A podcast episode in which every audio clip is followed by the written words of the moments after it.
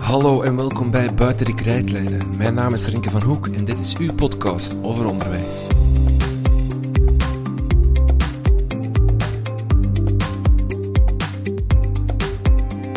Hoe gaat het eigenlijk met onze leerlingen? Dat is de hoofdvraag van deze aflevering.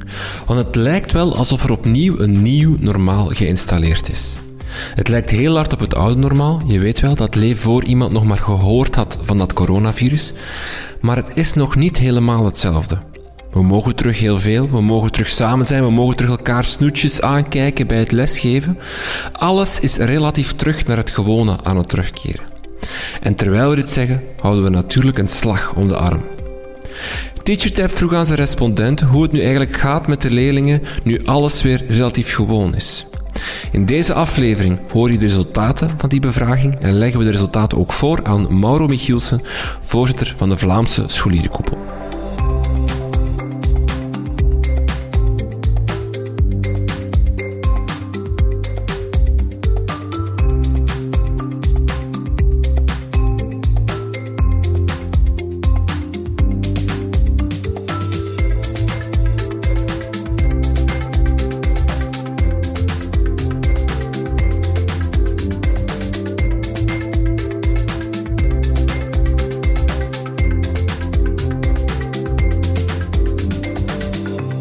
Januari vroeg Teacher Vlaanderen aan zijn respondenten wat voor hen toen de grootste uitdaging was die ze momenteel ervaarden in het onderwijs. Toen bleek dat motivatie of eerder een gebrek daaraan hoger scoorde dan pakweg leervertraging of mentale of fysieke gezondheid. In maart werd deze vraag opnieuw gesteld en opnieuw werd motivatie het meest aangeduid. Meer nog, het percentage steeg nog tegenover januari, zeker in het secundair onderwijs.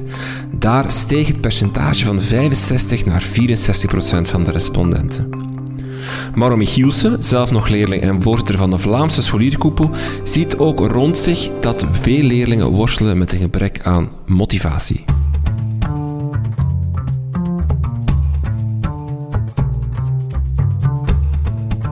Oh, ik moet toegeven dat ik daar niet echt van verschiet, omdat ik ja, denk als je gewoon uh, school binnenwandelt, of ik zie dat ook in mijn omgeving, dat, er, dat de motivatie effectief heel laag is en dat er eigenlijk een soort. Ja, ik vind, dat, ik vind dat lastig om te zeggen, maar ik merk gewoon dat er in mijn omgeving wel een soort permanente massale schoolmoeheid is of. Als in, um, ja, je, je merkt dat gewoon aan alles, dat, dat alles eigenlijk er te veel aan is. Ik merk dat ook bij mezelf, dat ik echt niet heb om, om met plezier naar school te gaan. Dus um, ja, ik heb daar niet een, een, bevraging voor nodig. Ik denk dat dat echt wel uh, opvalt als je gewoon een school binnenwandelt, dat dat toch wat de algemene tendens is. Nu, de resultaten verschillen erg naar functie en onderwijsniveau. Zo geeft slechts 18% van de respondenten uit kleuteronderwijs aan dat de kleuters minder gemotiveerd zijn. De mindere motivatie lijkt te stijgen met ouder worden. Als we de data nog dieper bekijken, valt op dat wie vooral lesgeeft in de A-stroom van het secundair onderwijs zich zorgen maakt over de motivatie, zo'n 88%. Gevolgd door wie lesgeeft in het TSO met 81% en wie lesgeeft in het BSO met 76%. Dat het vooral de jongste groep is die de motivatie lijkt te verliezen, is zeer opvallend. Ook voor Mauro is het een opmerkelijk gegeven. Ja, nee, ik, ik vind het heel moeilijk om een, om een degelijke verklaring voor te vinden. Um, ja, je denkt misschien dat het om de eerste graad gaat, uh, kan, kan, kan je misschien wel linken aan het feit dat dat natuurlijk uh, scholieren zijn die eigenlijk nooit anders middelbaar hebben gekend, los van corona. Degenen die nu in het derde jaar zitten, die zijn eigenlijk begonnen in, in het eerste coronajaar. Dus ik kan me voorstellen dat dat zeker ook wel een grote invloed heeft. Maar waarom dat dan specifiek in die A-stroom is, um, ja, dat weet ik niet.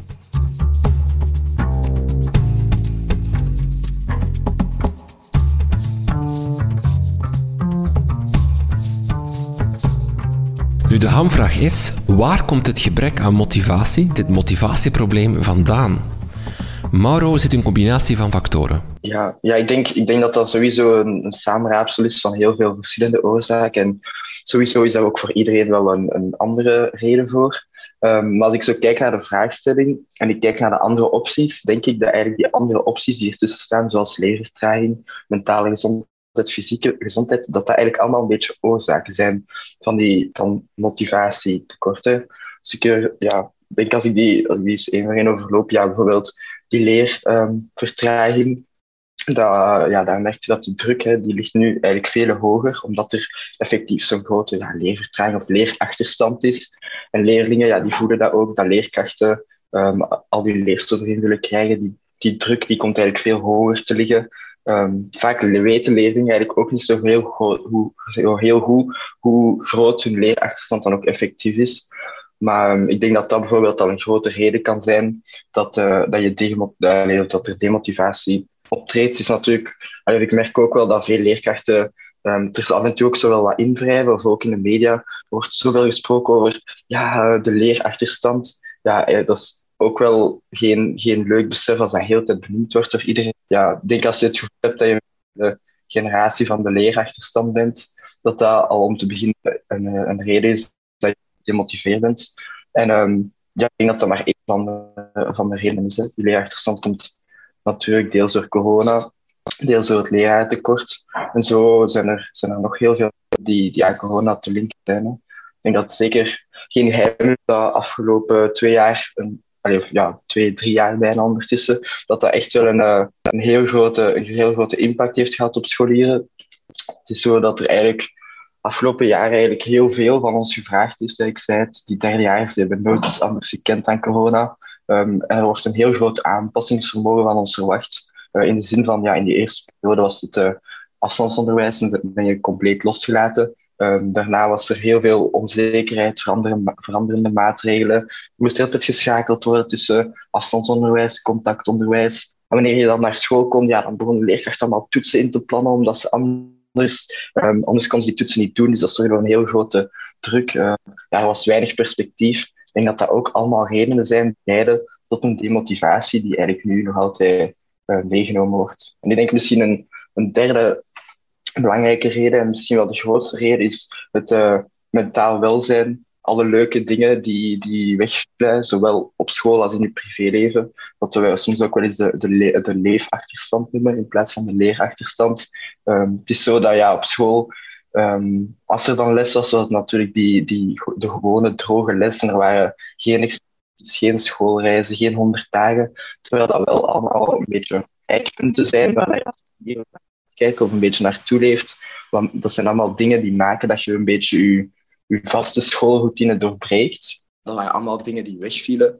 Um, en dan zat je daar bij momma's in de klas elke dag te zitten. Ja, je wordt er natuurlijk wel echt gewoon suf van. Die buitenschoolse activiteiten zijn volgens mij ook wel dingen die, die maken dat je je klas beter leert kennen, dat je informeel contact hebt met je leerkrachten. En in die zin zijn die, zijn die wel echt heel belangrijk, denk ik, en maken die ook dat je je uh, goed voelt op school. En als je maar elke keer die tegenslag of teleurstelling hebt van ah, die laatste jaarsreis gaat niet door, of Chrysostomos, de 100 dagen kunnen niet doorgaan, ja, dat is opnieuw elke keer een, domper, dat ook wel maakt dat je veel minder gemotiveerd bent om heel dat schoolgebeuren te blijven doen en dat vol te houden. Hè.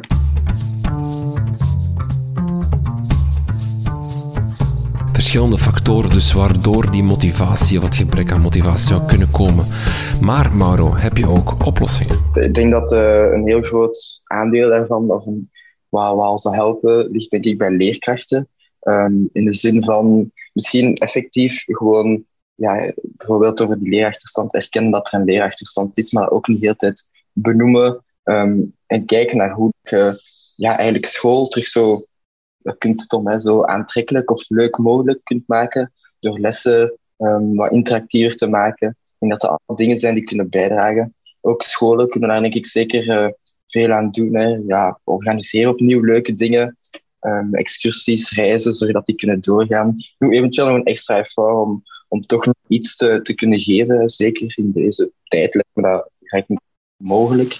Dus ik denk dat dat dat dat al een heel groot verschil zou kunnen maken als scholieren gewoon het gevoel hebben dat er ook nog wel leuke dingen aan school gelinkt zijn en niet enkel veel huiswerk en saaie lessen. Denk je dat het ook iets is dat gewoon een soort van reactie is op die corona en dat dat op zich, zichzelf wel zal herstellen? Ja, ik hoop dat natuurlijk. En ik denk dat ja, dit rapport dat, en die demotivatie, dat dat effectief wel aantoont dat dat, dat een beetje ja, toch wel de, de naweeën of de neveneffecten van corona zijn. Hè. Ik denk dat dat sowieso de reden is. Alleen vraag ik me af, ja, hoe groot is, is die, dat litteken of hoe groot is die kras? Um, en in welke mate gaat dat, gaat dat zichzelf opnieuw stabiliseren? Ik denk, ja, het is natuurlijk, allee, het, is, ik heb soms het gevoel dat het wel echt zo, zo slecht gesteld is dat het misschien ook wel niet op één opgelost gaat zijn, maar dat er effectief wel, wel zwaar ingehaakt heeft. En um, in die zin weet ik niet of het, het volgend jaar al, al veel beter gaat zijn bij bijvoorbeeld dat mentaal welzijn.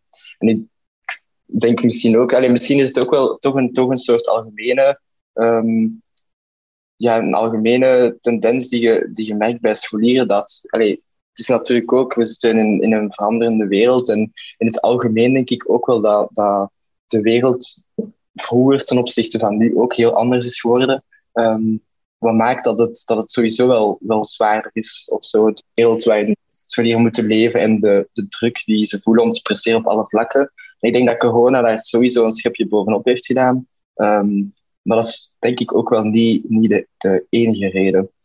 Er gaan sowieso wel, wel boomers zijn die gaan zeggen, ja, maar in mijn tijd was het niet waar geweest en zo. Maar ja, tijden die veranderen gewoon. En, en ik denk, ja, heel die wereld, wereld verandert. En ik denk dat dat vooral het, het grote verschil is wat maakt dat het in het algemeen veel zwaarder is geworden. En ja, dat is, dat is moeilijk om, om zo exact uit te leggen van ja, hoe komt dat nu? Maar ik hoop al absoluut dat daar ook alles aan wordt gedaan om, ja, om dat mentaal welzijn zo snel mogelijk te herstellen. Dat er zowel vanuit scholen als vanuit beleid vol een bak op wordt ingezet. Um, ik denk dat de, de laatste rapporten allemaal duidelijk zijn. De cijfers over de interventies van ehm, CLB's en de cijfers van al wel. We hebben allemaal de Pano-reportage gezien over mentaal welzijn. Um, dus ik hoop dat er ook wel, wel een soort. Ja, dat er ook wel een soort omslagpunt is of zo. Of dat er wel een, een soort. Ja, ik denk dat er nu echt wel een soort urgentie heerst. En ik hoop dat dat, dat ook wordt aangevoeld door de mensen die het moeten aanvoelen. En dat er ook vanuit het beleid wel een soort uh, reactie komt om te zorgen dat dat, dat, dat welzijn um, verhoogd wordt. En ik denk zeker als je die verschillende factoren, um, en ja, dat welzijn bijvoorbeeld, als je daarop gaat werken, dat eigenlijk die motivatie ook vanzelf weer gaat uh, verhogen. Je bracht ook even een piste aan die los van corona staat, van die veranderde maatschappij en, en dat het sowieso wel zwaarder en moeilijker is. Want ik, ik zou ook niet durven zeggen dat, dat ik vond dat mijn motivatie van mijn leerlingen dan bijvoorbeeld ook supergoed was voor corona of zo. Ik, vond, ik heb altijd wel een moeilijk ding gevonden, motivatie van leerlingen. En een soort van schoolmoeheid of een gebrek aan ambitie om, om, om er echt voor te gaan in onderwijs. Zou je ik, weet, ik wil jou geen woorden in de mond leggen, hè, maar eh, dat, dat de veranderde maatschappij, dat die ervoor zorgt dat onderwijs sowieso met een, met een soort van uitdaging gesteld wordt rond, ja, de, er zitten gigantisch veel prikkels buiten onderwijs, er zijn gigantisch veel mogelijkheden buiten onderwijs nu ook om te leren of om, om, om dingen te ontdekken, om te doen. Die, en vroeger was dat misschien allemaal wat beperkter, wat kleiner. De wereld was misschien gewoon wat kleiner als scholier dan vroeger, hè, eh, dan nu. En nu is de wereld gigantisch groot via internet en al die andere mogelijkheden. Zou je daar durven stellen dat onderwijs gewoon een moeilijkere job heeft om leerlingen gemotiveerd in hun, in hun klas te krijgen? Oh, um, ik vind dat een moeilijke vraag om te antwoorden. Ik denk dat er sowieso een. een, um, een dat, ik denk wel dat er inderdaad wel die motivatie nu lager ligt dan vroeger en dat dat effectief wel te wijten is aan die, die veel grotere wereld en die veranderende wereld. Waardoor dat, dat sowieso ook een, een grotere uitdaging is er wel serieus moet nagedacht worden over hoe dat kan opgelost worden. Maar anderzijds merk ik ook dat, um, dat dan het engagement buitenschool, het engagement van mijn generatie, dat dat eigenlijk um, immens groot is. En dan vraag ik me af, hoe komt het dan dat dat voor onderwijs um, zo'n probleem kan vormen, terwijl dat in de rest van de samenleving eigenlijk... Als je kijkt naar ja, die klimaatmarsbetogingen, jongeren komen echt op voor hun idealen en tonen voor wat ze staan en wat ze belangrijk vinden. En, en, zetten zich in voor verschillende organisaties. Ik merk ook in mijn omgeving dat mensen lid worden van, van organisaties die ze belangrijk vinden. Uh, zich echt inzetten voor dingen. En dan vraag ik me af, hoe komt dat dat ze daar dan toch zo hard op inzetten? Wat blijkbaar wel aantoont dat er een soort... Uh, ja, toch wel een drijfveer is of een motivatie is om dingen te doen en dingen te veranderen.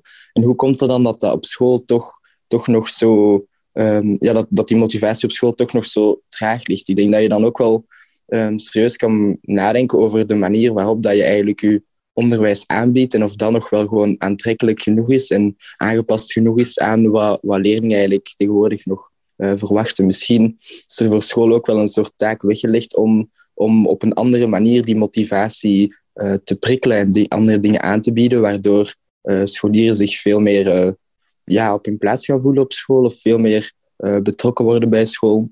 Dus ik denk dat dat, dat, dat, zeker ook wel te maken kan hebben met de manier waarop er tegenwoordig nog altijd lesgegeven wordt en dat dat soms nog heel ver staat van de, van de leefwereld van jongeren. Als je kijkt naar een klaslokaal, zie je dat, dat er nog altijd bij een bord en een krijtje lesgegeven wordt. Ja, je kan je afvragen of dat nog is um, hoe scholieren tegenwoordig les willen krijgen. Um, dus die, les, die verschillende lesmethoden gaan sowieso ook een grote invloed hebben op um, of je graag naar school komt en een, grote, en een hoge motivatie hebt.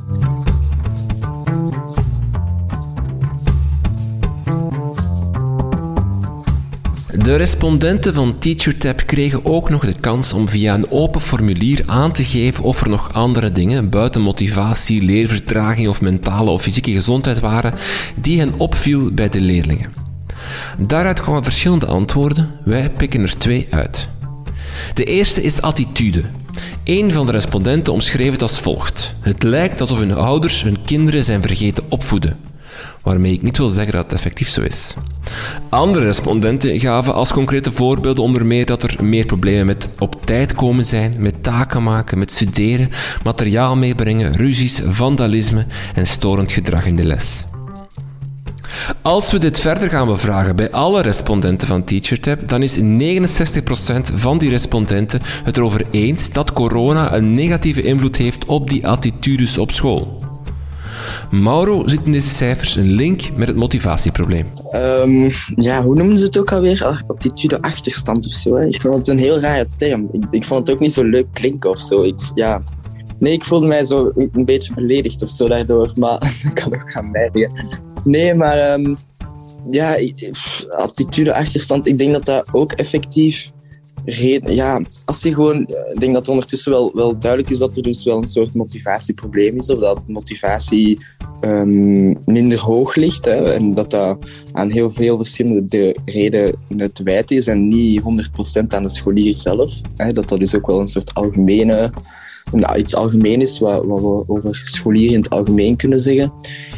En ja, ik denk gewoon als je minder gemotiveerd bent, ja, dan kom je misschien ook gewoon minder graag naar school. En dan kom je, allee, veegt je af en toe ook wel eens je voeten aan. En dan kom je misschien wat vaker te laat en bent je wat, wat feller. Ja, als leerkrachten met, met, of als leerlingen met tegenzin in een les zitten, gaan ze misschien ook af en toe eens wat, wat feller zijn. Dus ik denk eerder dat dat, dat ook een soort gevolg is van, van, ja, van die demotivatie.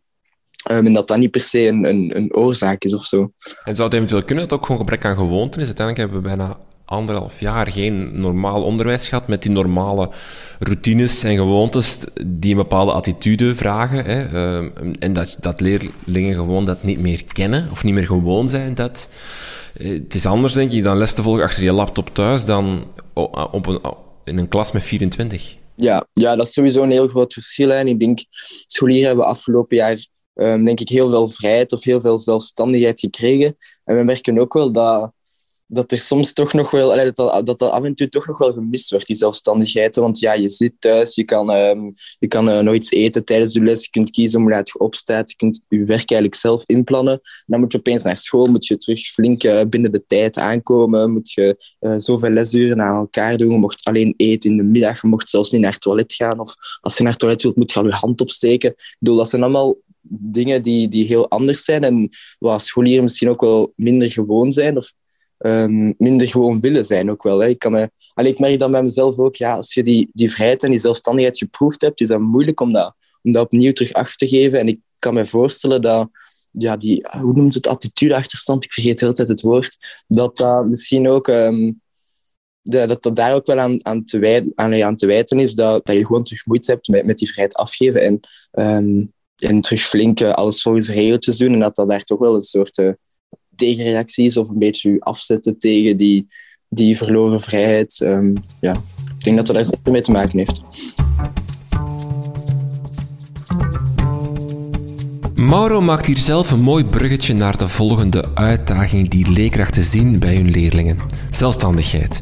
Maar dan niet zoals Mauro zegt dat leerlingen zelfstandiger zijn geworden, maar juist het omgekeerde. Respondenten gaven aan dat studenten en leerlingen de attitude om zelf oplossingen te willen vinden steeds meer lijken te missen. Als we ook hier de vraag opengooien naar alle respondenten van TeacherTap, dan zien we ook hier dat een meerderheid herkent dat hun leerlingen minder zelfstandig zijn geworden.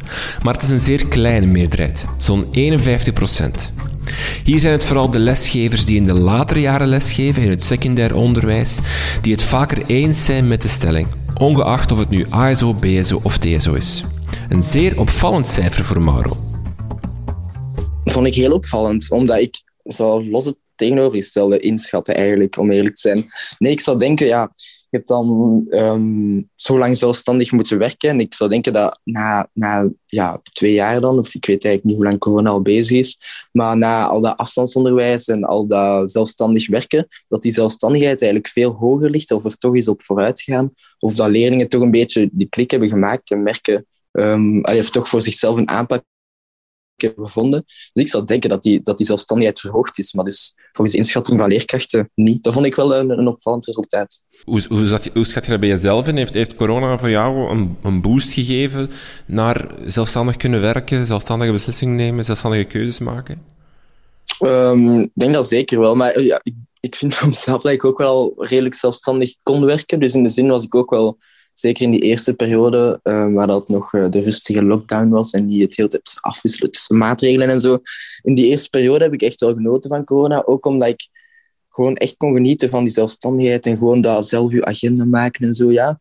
Dat ging mij eigenlijk heel goed af, dus in die zin denk ik dat ik al redelijk zelfstandig was. Um, maar dat ik ook wel heel veel bijgeleerd heb uit die corona-periode, uit Um, ja, ik denk dat elke leerling zo wel wat flaters heeft, heeft begaan of zo, wat dingen uit het oog verloren is. En dat zijn allemaal wel, wel leermomenten geweest waar dat je, um, ja, waar dat je een andere keer op terugdenkt en denkt, ah ja, dat zou ik nu anders aangepakt hebben of um, zo'n fout zou mij nu niet meer kunnen, kunnen gebeuren. Dus ik denk, denk dat dat in mij, op mij, in mijn geval mijn motivatie, of mijn uh, zelfstandigheid nog wel bevorderd heeft, ja. Het, is ook wel een signaal dat je vaak hoort van, van mensen, maar ook van, van leerlingen, maar ook van directies en dergelijke, dat ze veel de vraag krijgen of het gevoel hebben van, kijk, die, die, dat afstandsleren, hè, dat zelfstandig werken, dat zelfstandig leerstofwerken, dat was voor veel leerlingen zeer problematisch en zeer moeilijk. Maar er is ook wel een, een groep leerlingen die dat eigenlijk een bevrijding vond, die dat heel fijn vond en die ergens ook hoopt dat, dat het dat dat blijft. Dat, dat, dat er blijft om een soort van manier van zelfstandig werken. Dat ze zelf een beetje meer kunnen kiezen. Zelf kunnen kiezen hoe langzaam bepaalde dingen werken. Dat ze niet in dat strakke stramien moeten van zo dat traditionele onderwijs met die lesuren en dat in die klas zetten. Ja, ja, dat is zeker iets wat wij ook bij de scholierkoepel merken. En eigenlijk redelijk snel terugkwam uit onze eerste bevragingen. En zeker bij die oudere jaars kwam dat echt terug. Dat, ja, dat zal ondertussen misschien ook al, al wel wat veranderen maar vlak na die, na die eerste periode van afstandsonderwijs hebben we dat dus bevraagd. Naar het bleek dat heel veel, um, heel veel scholieren effectief die, die zelfstandigheid wel, wel missen. Ik denk dat dat voor heel veel scholieren heel moeilijk is geweest. En zeker voor die jongere jaars. Um, om zelfstandig te werken. En dat dat voor veel scholieren ook echt heel schadelijk is geweest. Of het toch een soort permanente impact heeft gehad of heeft geleid tot ja, een heel grote leerachterstand. Um, wat ik, allee, ik zeker niet wil onderschatten, maar voor een ander deel, en dat wordt misschien in, het, in de samenleving of door scholen wel onderschat, zijn er ook wel veel scholieren die daar echt van genoten hebben van die, van die eerste periode. Uh, ik spreek wel echt over die eerste periode, omdat die andere periodes, dat was dus heel tijd afwisselen en zo. Toen werd het voor iedereen wat zwaar. Maar daar is dus echt wel, uh, wel van genoten. En ik vind het ook wel jammer dat, dat dat het op een manier toch ook niet behouden wordt. Door school, of er zelfs niet nagedacht wordt over op welke manier kunnen we dit eigenlijk scholieren terugbieden, want de, de vraag is er denk ik zeker wel, um, zeker bij die oudere jaars, om toch Um, en ik zeg niet dat dat moet in de, in de vorm van afstandsonderwijs, al, al zou bijvoorbeeld een halve dag afstandsonderwijs in de week ook al een, een optie zijn, maar er zijn nog manieren waarop dat je dat zelfstandig werken kan aanbieden of zelfs kan bevorderen of leerlingen kan begeleiden naar hoe kunnen ze meer zelfstandig um, leren werken op school. Hè. Er zijn heel veel, ja, er zijn scholen die daar al heel actief mee bezig zijn. Um, met zo flexruimtes en zo, waar dat je zelfstandig kan werken en leerkrachten kan aanspreken. Um, Maar ja, ik heb zo, ik, alleen, en ik hoop dat dat misschien, alleen, ik hoop dat dat misschien ook gelinkt is aan het feit dat er nog steeds corona is en dat er ook bij, bij leerkrachten, bij directies zoiets is van uh, we willen daar vanaf. Maar wie weet wordt er over vijf jaar toch wel opnieuw teruggekeken op corona en gedacht, oh, dat afstandsonderwijs, daar zit misschien wel iets in. Of dat zelfstandig leren, daar kan misschien wel iets in zitten. We hebben daar veel uit geleerd. Komen natuurlijk ook, uh, of die D-sprong die komt er ook natuurlijk aan. Uh, veel meer scholen gaan ook laptops aankopen. Dat biedt ook wel mogelijkheden om veel individueler of veel zelfstandiger te, te kunnen werken. Dus ik hoop dat er toch grondig over nagedacht wordt over wat kan zo heel, wat hebben we geleerd uit die coronaperiode en wat kan zo de, de blijvende verandering zijn um, binnen ons onderwijs. En dan hoop ik natuurlijk ook dat, ja, dat die, die wetgevende kaders, um, dat, die ook, allee, dat die dat ook mogelijk maken om voor scholen om, om los van corona eventueel terug een dag afstandsonderwijs in te lassen, um, wat nu nog altijd niet, niet mogelijk is.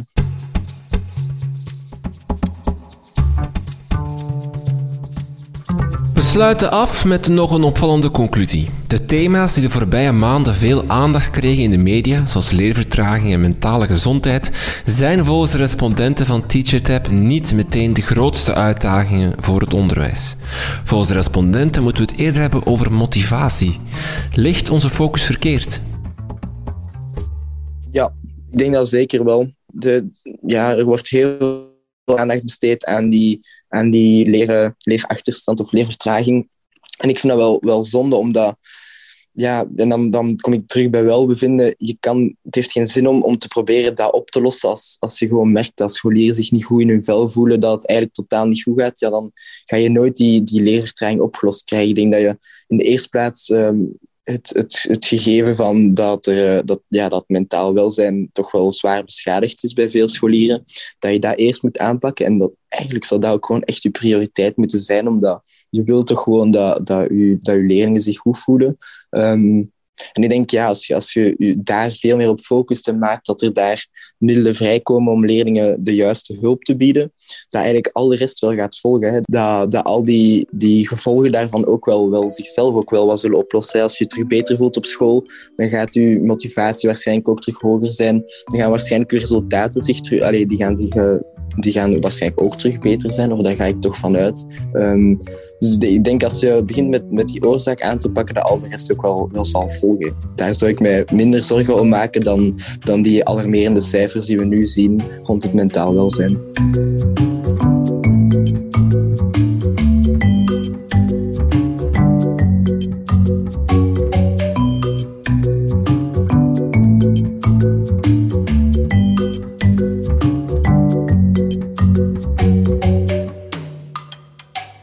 Dit was het dan weer voor deze aflevering in samenwerking met TeacherTap Vlaanderen. TeacherTap is een initiatief van de Artevelde Hogeschool. Meer info over deze app en dit initiatief vind je op www.deleraardenkt.be. Wil je zelf ook meedoen met TeacherTap? Ga dan naar de App Store op je smartphone en download snel de app. En wie weet ben je nog op tijd om de drie vragen van de dag te beantwoorden. Blijf op de hoogte van onze plannen en nieuwe afleveringen via Twitter, Facebook of Instagram. Een lijst van al onze voorgaande afleveringen vind je op www.dekrijtlijnen.be. Dank voor het luisteren en tot de volgende.